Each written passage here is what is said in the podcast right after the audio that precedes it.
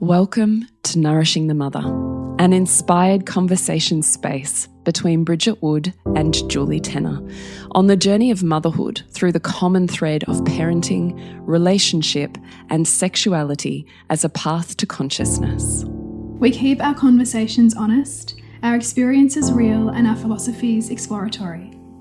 We believe that in order to raise incredible humans, we first have to raise ourselves. We know that in order to rock the family, you've got to nourish the mother.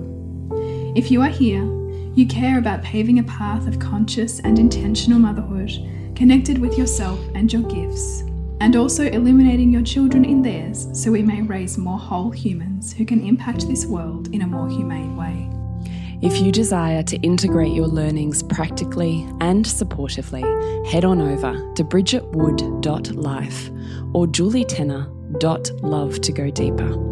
And for all live streamed, pre release podcasts and all our free content, head over to our free Facebook group, Nourishing the Mother with Bridget Wood and Julie Tenner. We are Julie Tenner and Bridget Wood, and we are so grateful you're here. Just letting you know that this podcast became a long one, so we have separated it into two parts. This is part one. Enjoy. Hello, and welcome to Nourishing the Mother. I'm Bridget Wood.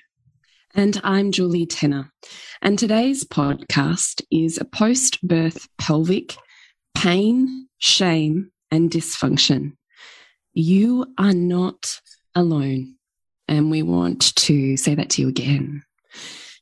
You are not alone in this or in this journey. So, that is the purpose of our podcast today is to bring the community and the sense of shared experience to you, with you, for you. And we hope that you feel a sense of holding and deep, deep self compassion and compassion for other women and the experience that we all share. Mm. So, as we enter today, we're going to be talking about some topics that might be a little bit triggering.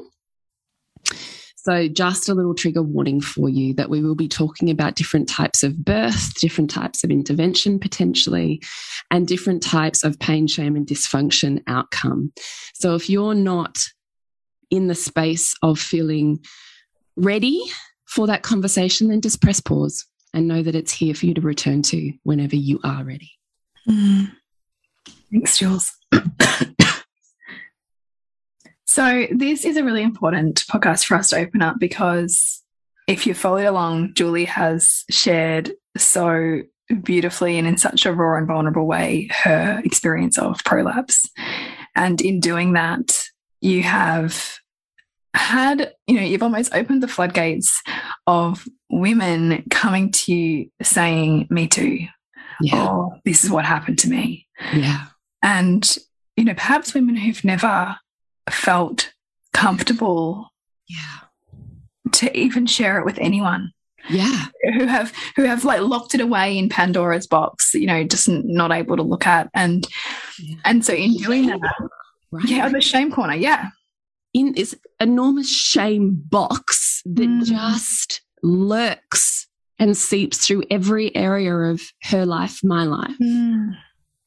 And in, in, an, in, an insidious way, right? Because yeah. whatever whatever we have shame about tends to control us and run us. So I just want to first of all acknowledge you for like the the courage it can take to share something that you know is really for you super wobbly like you know you're navigating this with us yeah. and that takes enormous amount of of courage you know when you don't have the answers right like you're finding your way in the dark. And and i love that you're doing that with the community because it it gives other women an opportunity to say oh i can share my story and still be okay.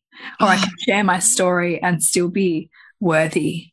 Yeah. Oh my gosh, like I just feel that so deeply. It like makes me well up with like heart tears as I'm like, oh, the fullness that it is to be vulnerable and to mm. lead from that place and then be met with a sea of women's compassion. Mm. Like it is just, you move from a place of feeling shattered and isolated and hollowed out to a mm. place of empowerment and I can do this. And that's the power of women supporting women and leading mm. from a place of vulnerability is it actually builds the most enormous intrinsic sense of strength, not one that's dependent on external factors. Mm. It's like you're all these like little like I imagine like all these kind of like buoys in the sea like bobbing up, like wondering if they're gonna go under, and then they all come together and create like a life raft, you know, that says that. like we can do this. This is hard, but we can like through the through strength and through each other, there's Oh, I love it. Possibility for healing. It's a beautiful metaphor. Yeah.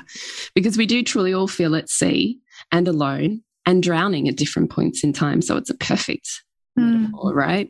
Mm. So even in the sharing of this story, as you know, if you listened to our podcast on postpartum healing, I cried my way through the entire thing as it was my first entry point into opening that veil and saying, This is me.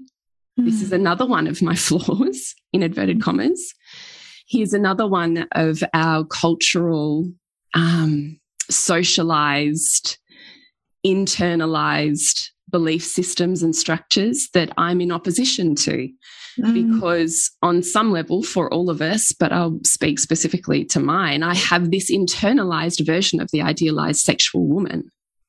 And she certainly doesn't have a floppy, prolapsed, wounded vagina, does she? Mm. She certainly has, you know, per perky boobs and no stretch marks and a perfect tummy that fits perfectly in lingerie and who is openly expressed, who gets wet instantly, who has no shame, who's, I don't know, sexually adventurous and outward, who has this perfect, pristine pussy. Mm. So to voice and say straight up, here's all of the ways I don't fit that mold mm. is actually really scary because yeah. there's part of you that's rubbing up against these. I'm not saying they're a truth, but they, our beliefs we experience as a truth. Mm. Right. Yeah. And so, and so our body tells us that's truth. Yeah. Yeah. Mm. So, you know, for me, it really felt like um, this double sided um, seesaw, which I think is perfect, right? Because on one side, I have all of this support and empowerment and openness. And the more that I can be transparent in all of the areas of my life, so there's no separation, of course, the more powerful and empowered I become. Mm. We self sabotage our own empowerment when we tuck and hide and, you know, navigate in different ways who we are in different areas of our life. But when I'm just me everywhere, mm then there's no there's nothing I'm hiding from because you can see my inverted commas my worst aspects. And I'm like yeah I know. It's mm. there. Yeah. So on one side of this seesaw I have increased power support vulnerability um, excitement in a way as I'm meeting all of these women and hearing their stories like you know lovely lovely stuff. And on the other side I have myself facing all of the ways that I don't fit the mold that says I'm not sexy, I'm not desirable, I'm broken, I'm dysfunctional, mm. I have pain, suffering, shame. You know, so it's this balanced seesaw of mm. these two, in a way, oppositional effects. And I think that that that is always the common experience whenever we're breaking down a belief mm. right? Is there's an enormous amount of challenge in doing that and an equilibrating enormous amount of support. Mm. Right. So I see both. and I would also say when you're when you're explaining it like that, that there's something in enough my, my, my thought process is completely gone since I just coughed. But you were talking and I was thinking there's something in the way that this takes you to that edge and yeah. and and also, it's like the veil of illusion about perfection drops away because as all of these women come to you and say, Me too, you're kind of going, Well, well, who the fuck is actually this perfect thing? And then you go, Oh, it's a social construct. it's a social construct to sell shit and make us feel really bad about ourselves. I just love that you highlighted that. Yes, exactly. Right. Because, you know, with every message that you get that says, like, yeah, that, that's my experience, then you then go, well, like, what is this performative nonsense over here? That continues to reinforce women's disconnection with themselves. And, you know, it, we see it in Hollywood, right? And the expose of like celebrities' real skin, skin textures, for example. And then we go, oh, oh, I have skin like that. Mm. Oh, but they don't want to show me because there's a mystery and a, and a lure and a seduction in me thinking that they've got something I don't have, like the perfect skin, for example. Yeah. And so whenever we get to break that down, we then get to kind of like come home to more pieces of ourselves that we've cast out and said, no, you don't belong here. Oh, yes. Because we go, oh, no, you're just a part of ex being experience of being human. You're just Which I just love. I just love it. Yeah, me too. Me too. I even had a few women message me who were like, Oh my God, I had no idea you look like this, you know, sexually liberated, enjoying amazing, incredible sex woman. I had no idea mm. that you were just like me. And what does that mean for that woman then? Right. And she, she then goes, Oh, I can have that too. Right. That's like my heart just like oh, I love that. Because we can't be, we, we don't know how other people perceive us, right? Yeah all we can ever do is just be you, be you, be you, and mm. create less and less separation. Right. I mean, that's all we can ever do. So when I mm. heard that, I was like, oh, yes. Good Lord. And I hope you take that somewhere magnificent for yourself. Yeah. And that, and that, and that is where it's worth all of the you know, vulnerability hangovers and all of mm. the edginess about showing up with your story. Because if it breaks the illusion and the shame story for one woman, one woman, then it's it's it's worth it. Hundred percent. Even just receiving that post was worth it. Mm. It's totally worth it. So, um, the other thing that we wanted to do, which, you know, we're always a little bit contentious on this podcast, aren't we? As we break down beliefs and we ask you to think outside of the ways that you inherently, naturally, or comfortably think. That's kind of the underlying philosophy on everything that we do, right? Yeah. where is there polarization? Meaning, where have you separated life into right and wrong categories mm. and therefore filter everything around that? And essentially, create a smaller life. Mm. And being able to see that everything is equal and everything is love. Mm -hmm. I mean, this is ultimately a spiritual concept. And that our responsibility is to say yes to life. That's the tantric concept, not, I'll say yes to you, but not you. You're a no, no, no, no, no. All right, you, yes. Because there's so much suffering involved in the no. Yeah which is which is essentially our attachment to how we think things need to be. Right. So, in the scheme of all of this, I have been very clear in when I have asked for help, and I have gone everywhere.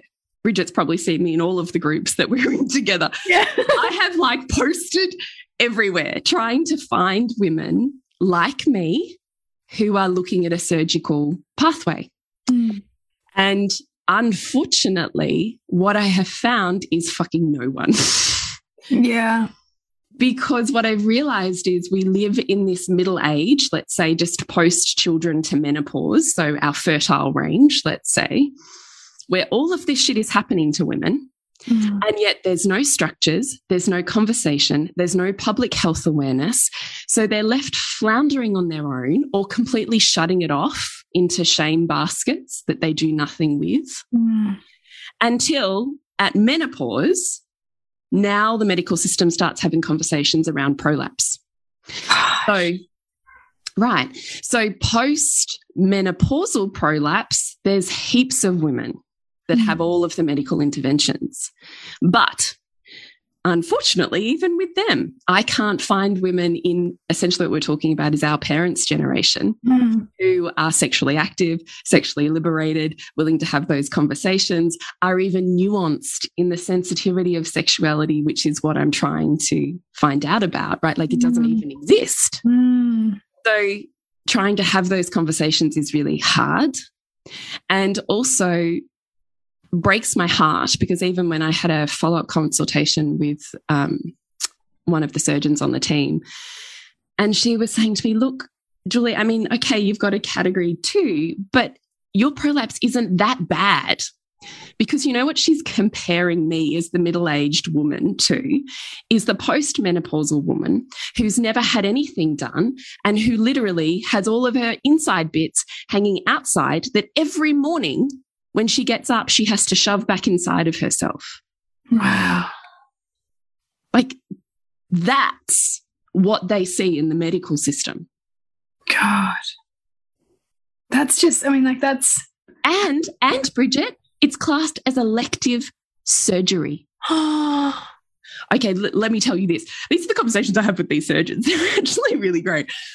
So she was saying, listen, how the way they repress and deny women. Jesus Christ. I know. She's saying, you know, Julie, even in um, because of COVID and obviously all of elective surgeries have altered and the schedules and however it works in hospitals. So these women who have all of their insides hanging on the outside every single day are classified as elective surgeries. So just continuously get bumped to the bottom of the list. Oh my God. So this one surgeon has a wait list in our public health system of 700 women. no way. That experience. But it's this, and it's this this one surgeon. One surgeon. I mean, how many surgeons are there? Right. This is my point. each city. this is my point. And then she said, and you know what else? You know what else, Julie?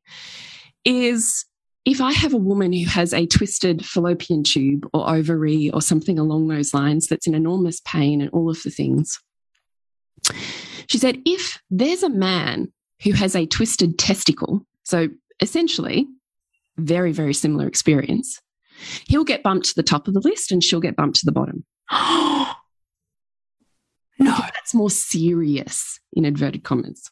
Oh my God. Right? There's who? The medical system. Oh my God. The patriarchy.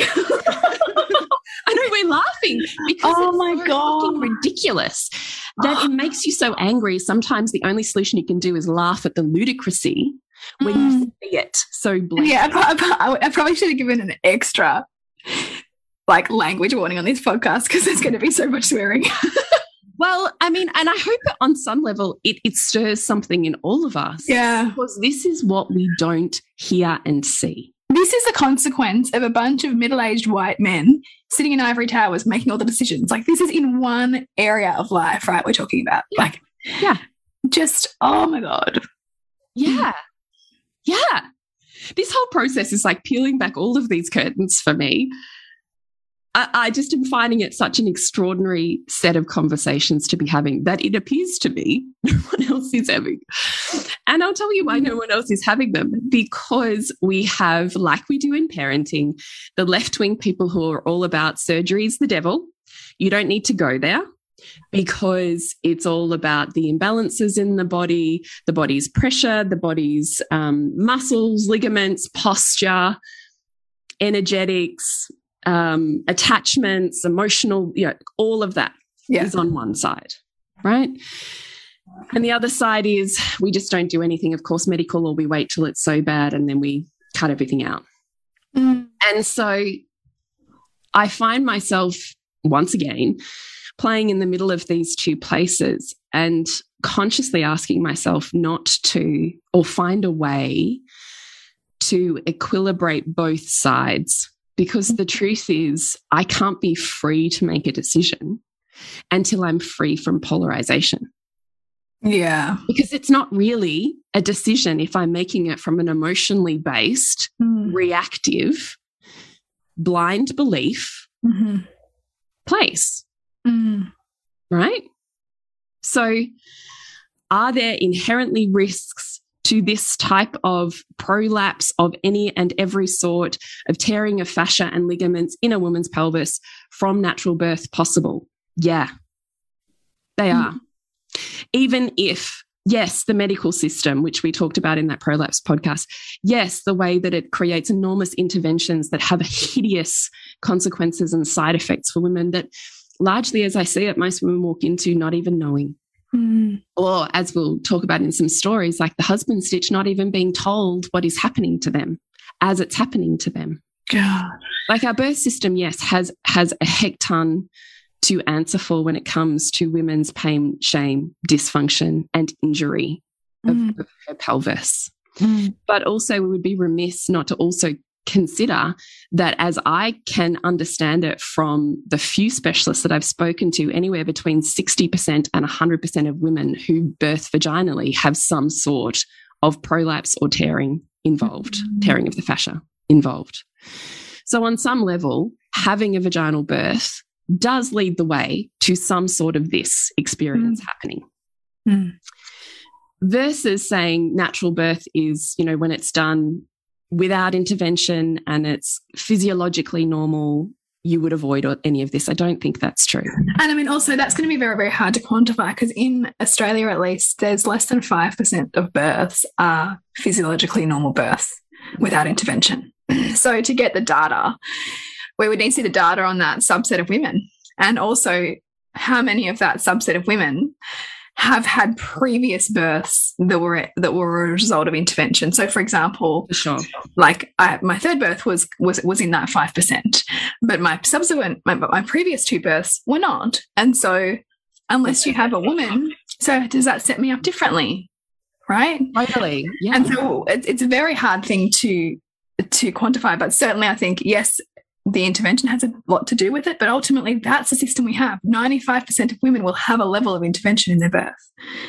So I like that you're pointing this out because my bent is like, well, let's have more physiological birth. But the reality is that's hard to access. Yeah. Well, it's hard to access. And also, you could do it and still end up and there. still end up there. That's right. I mean, I would argue not to, to such a degree of detriment, but there's no guarantee in that mm. either. Is the way that I'm saying, can we just depolarize yes. the way that we're looking at it? So there's that. And then there's also, uh, I've been very clear in all of the groups and I've put posts I've put posts everywhere that I can. I have looked at like I've put this pod this out on a podcast that mm. has nearly a million downloads now. Mm -hmm. I've put it all over our socials. I've posted it in all of these sex groups, women's groups, like all of the network that I have. And I'm hearing women who see, read, hear my experience are contacting their networks to see if people have the answers to my questions. So the network of women having yes. this conversation based on my sharing has gone out. Mm. I have coming back.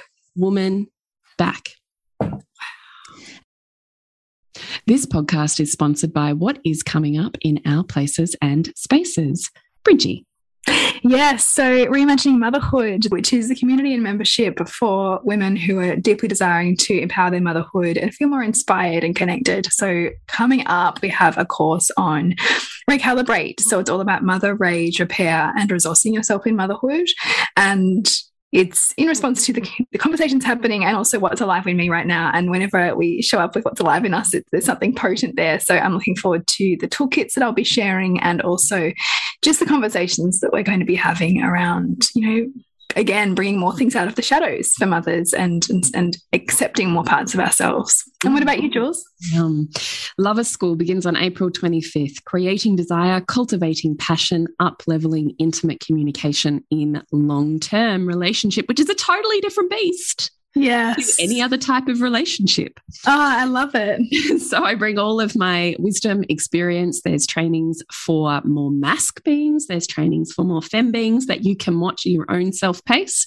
And we gather together in a group for six weeks where i'm available for your facil facilitation for your steps forward for opening community conversation around things that we would normally not open. And we all know the value of vulnerability and openness from this podcast. So you can find out more at julietenner.love. And I have been very clear in each one of these to say I'm not interested in hearing about all of the things that I need to do in an alternative fashion mm. because I have fucking done them. Yeah. I've seen you do them over the years. You've done so many things. I've done so many things. I've mm. done so many things. And at some point, also, part of me also rubs up against the belief system that always seems to return to you're not doing enough. Mm. You know, something wrong with your kids, oh, the mum's not doing enough.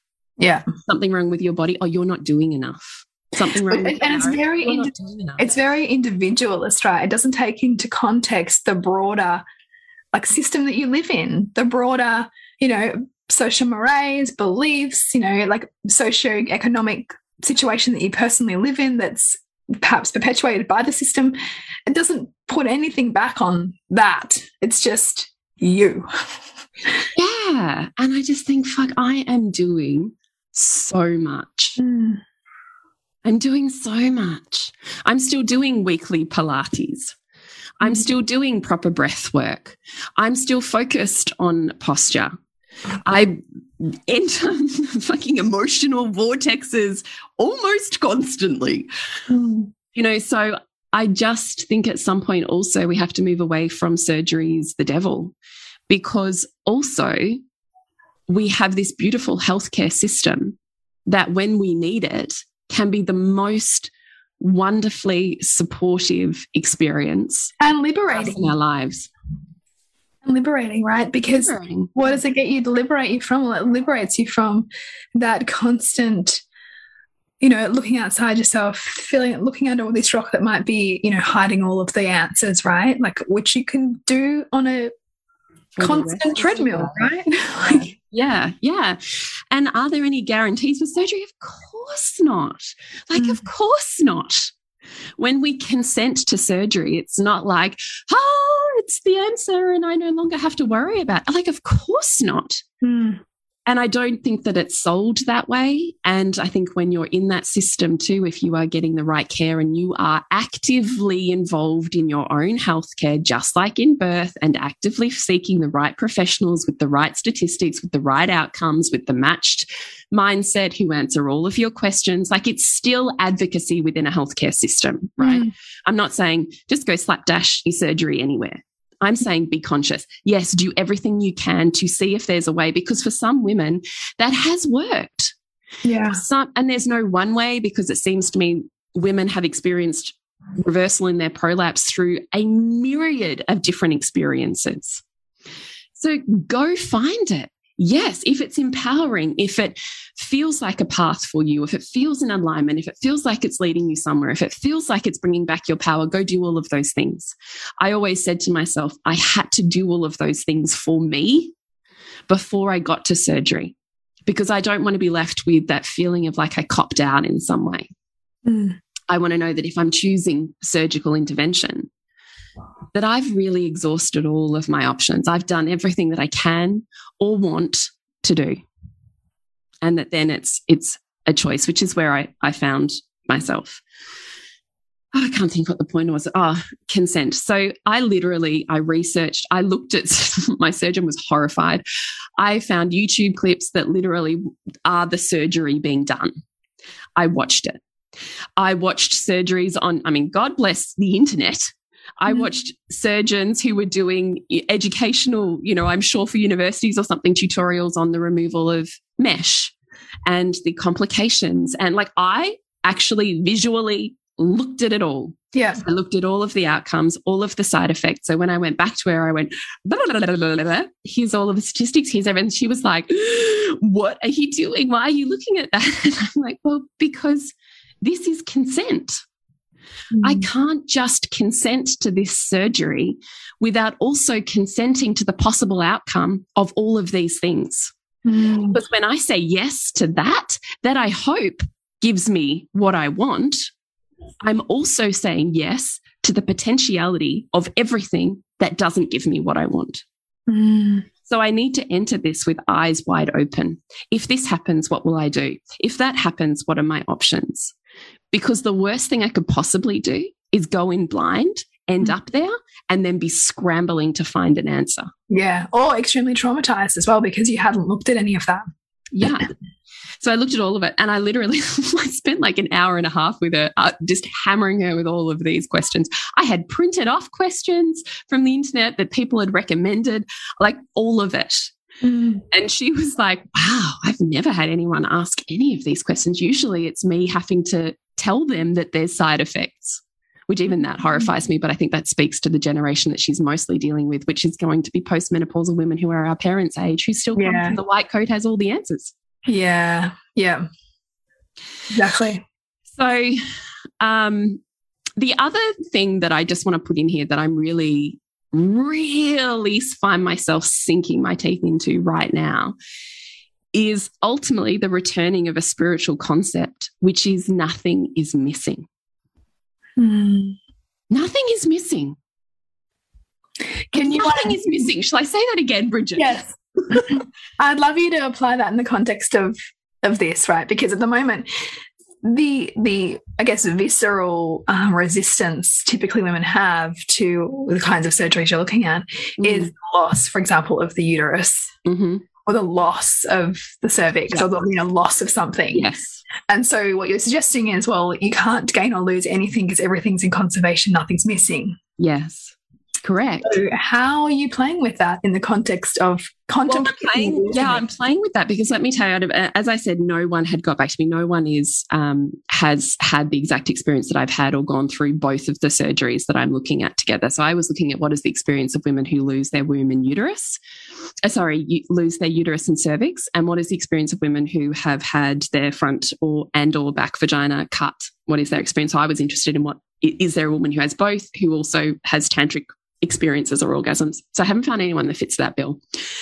But I have found two women who I have have most gracefully had, you know, online just messaging commun communications with me who have shared their experiences so that's been incredibly cathartic and healing for me because one woman who lost her cervix says she could never, she didn't have cervical orgasms um, through penetration sex, but she could self cervix her orgasm. So she could use a wand or a serpent or something like that and, and create cervical orgasms, which she says she can still access a version of even though her cervix is missing. So she said it's not the same, it's not as sharp or, you know, that like heightened experience, but she said it's like a flavor of it. And I think if I practiced enough, I could get there. She said, I'm not practicing. So, mm. but I perceive I could. Then there was another woman who said, who had her front and back vaginal wall cut. And she said she experienced no reduction in sensitivity, which is fascinating. That's that's awesome. Yeah. Um, one of the considerations is reprolapse. So I'm looking at, at that at the moment too. But in terms of this, nothing is missing. Oh, I also have been speaking to women who have chosen ablation. So, who, women who've lost their uterus, and also women who have chosen ablation. So, to have the lining of the uterus burned away. Have you heard of that? I've never heard of ablation. Ah, okay. So, it's an option. It's usually an option that um, non binary people choose, or, and, or women who do not want to have a period do not want to have children, but identify as female.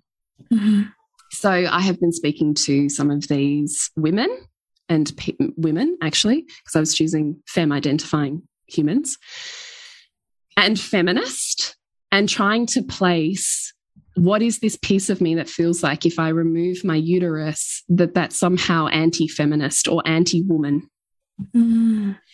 So I'm looking at finding the women who fit essentially feminist, identifies female, love being woman, don't want or have or experience a period, and actively have chosen not to. And listening to them has been fantastic. It has been fantastic because they're like, I chose this as a feminist choice to be able to choose my biology and its function of my body is empowering for me as a woman.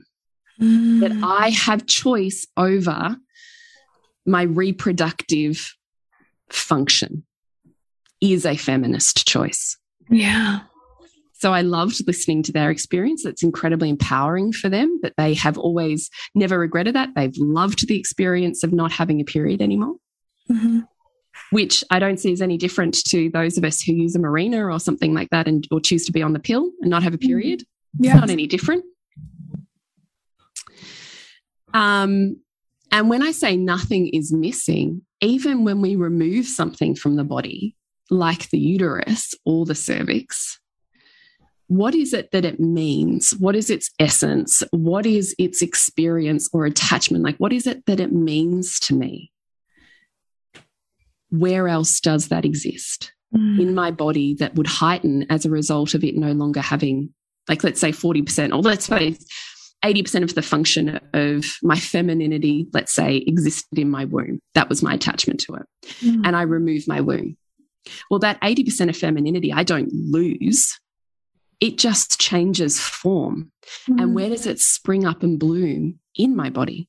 Yeah. Maybe my vagina, maybe my cervix, maybe my heart. Maybe your breasts. maybe, maybe, maybe, my, who knows? Maybe my yeah. thoughts, maybe my internal dialogue. Mm. Nothing is missing. It just changes form. Yeah. I love that. So I've just like been sinking deeper and deeper and deeper and like, nothing is missing. And you and I both know, having done the Demartini, we show up to do the Demartini every week. Yeah. That this is essentially one of those questions that we inevitably end up at is okay, this thing that I think is missing from me, my life, my experience, whatever, what is the form that it exists in? Mm. And when you get there, it fucking bends you to your knees with gratitude. Yeah. yeah. Because the form that it is in is more aligned mm. to your life, your purpose, and your mission right now. Mm.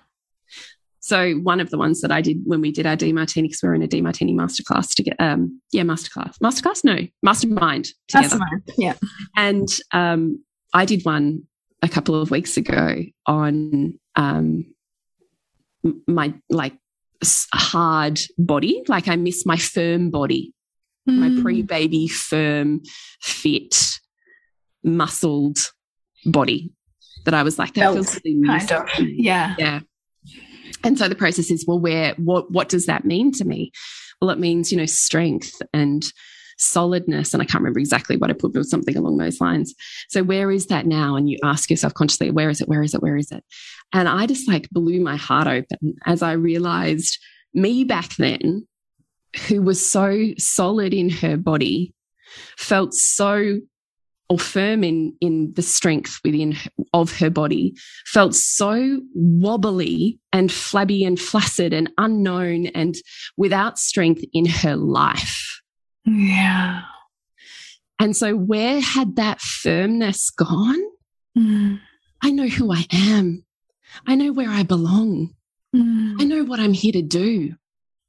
I know what i wake up for every day yeah. She didn't have that. She longed for that, wished for it every day. Mm. It was such pain to live like that.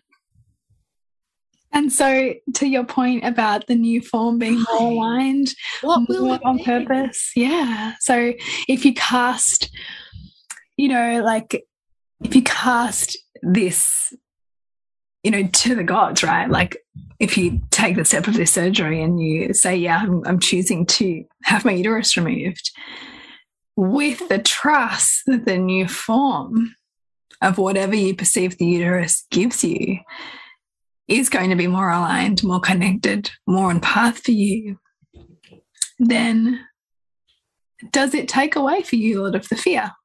Or the grief. Well, this is what I'm so I'm not making any decisions yet. Just so everyone's clear. There's no line yeah. in the sand for me. I'm not like rushing into this. This is just like I will know when I arrive there. Mm. And at the moment, I'm still looking and looking and sinking and seeking and revealing to myself my own biases. Mm. And then when I see the bias, trying to bust the bias so that ultimately I hope I end up at a place of freedom. And mm. from that place, I can make an empowered decision, but not when I'm running biases. Yeah. So I'm still in my anti bias work right now. no decisions. But I tell you, I am loving listening to the stories of women. And I am loving having conversations that I've never had in my life mm. and seeing systems of oppression and marginalization that I've never seen before. Mm. And even though it's painful, I like seeing my own inner bias and my own inner polarized belief systems because I haven't seen those before. Yeah. Right. Like we can be born anew to ourselves every single day if we choose to. Yeah, absolutely. Absolutely. Again, and it's, it's, sometimes it's excruciating to go, oh God, yeah, right. I didn't see that. Mm. But it's so expansive at the same time. Yeah. Yeah. Mm. It's both, right? That's the addiction to bloody personal growth. And that wraps up part one of our podcast, which we hope has opened up some new awareness in you, perhaps reflecting on your own story. And we do hope yourself, you take yourself gently into your world after sitting with this. And and next week we're going to be sharing with you the really deeply raw and vulnerable stories of women who shared with Julie their own experiences. So please move gently with yourself. Please find the healing and the communities that support your empowerment and the best choices for you and your health, knowing they're probably not going to be the same as the woman next to you and allowing an enormous amount of breathing room and spaciousness around how we can be the same and also quite different. Mm. You can find out more about how to join our spaces and dive into your work, our work, your work we work together. it's true. BridgetWood.life and julietenner.love. And Bridgie, what have you got going on? All Things Reimagining Motherhood, which is a community and membership for women who are deeply desiring to empower their motherhood and feel more inspired and connected. So, coming up, we have a course on Recalibrate. So, it's all about mother rage repair and resourcing yourself in motherhood. And it's in response to the, the, conversations happening and also what's alive in me right now. And whenever we show up with what's alive in us, it, there's something potent there. So I'm looking forward to the toolkits that I'll be sharing and also just the conversations that we're going to be having around, you know, again bringing more things out of the shadows for mothers and and, and accepting more parts of ourselves. And what about you jules? Um, lover school begins on april 25th creating desire cultivating passion up leveling intimate communication in long-term relationship which is a totally different beast yes. to any other type of relationship. Oh, I love it. so I bring all of my wisdom, experience. There's trainings for more masc beings, there's trainings for more fem beings that you can watch at your own self pace. And we gather together in a group for six weeks where I'm available for your facil facilitation, for your steps forward, for opening community conversation around things that we would normally not open. And we all know the value of vulnerability and openness from this podcast. So you can find out more at julietenner.love. Mm, remember to nourish someone to rock the family.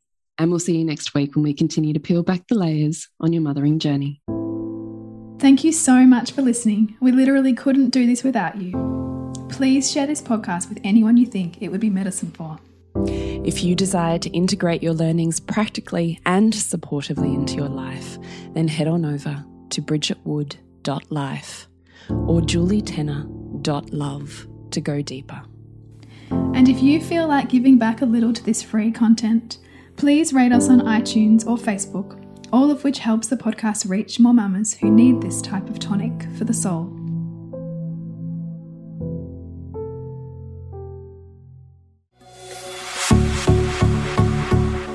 This has been a production of TheWellnessCouch.com. Check us out on Facebook and join in the conversation on Facebook.com forward slash The Wellness Couch. Subscribe to each show on iTunes and check us out on Twitter.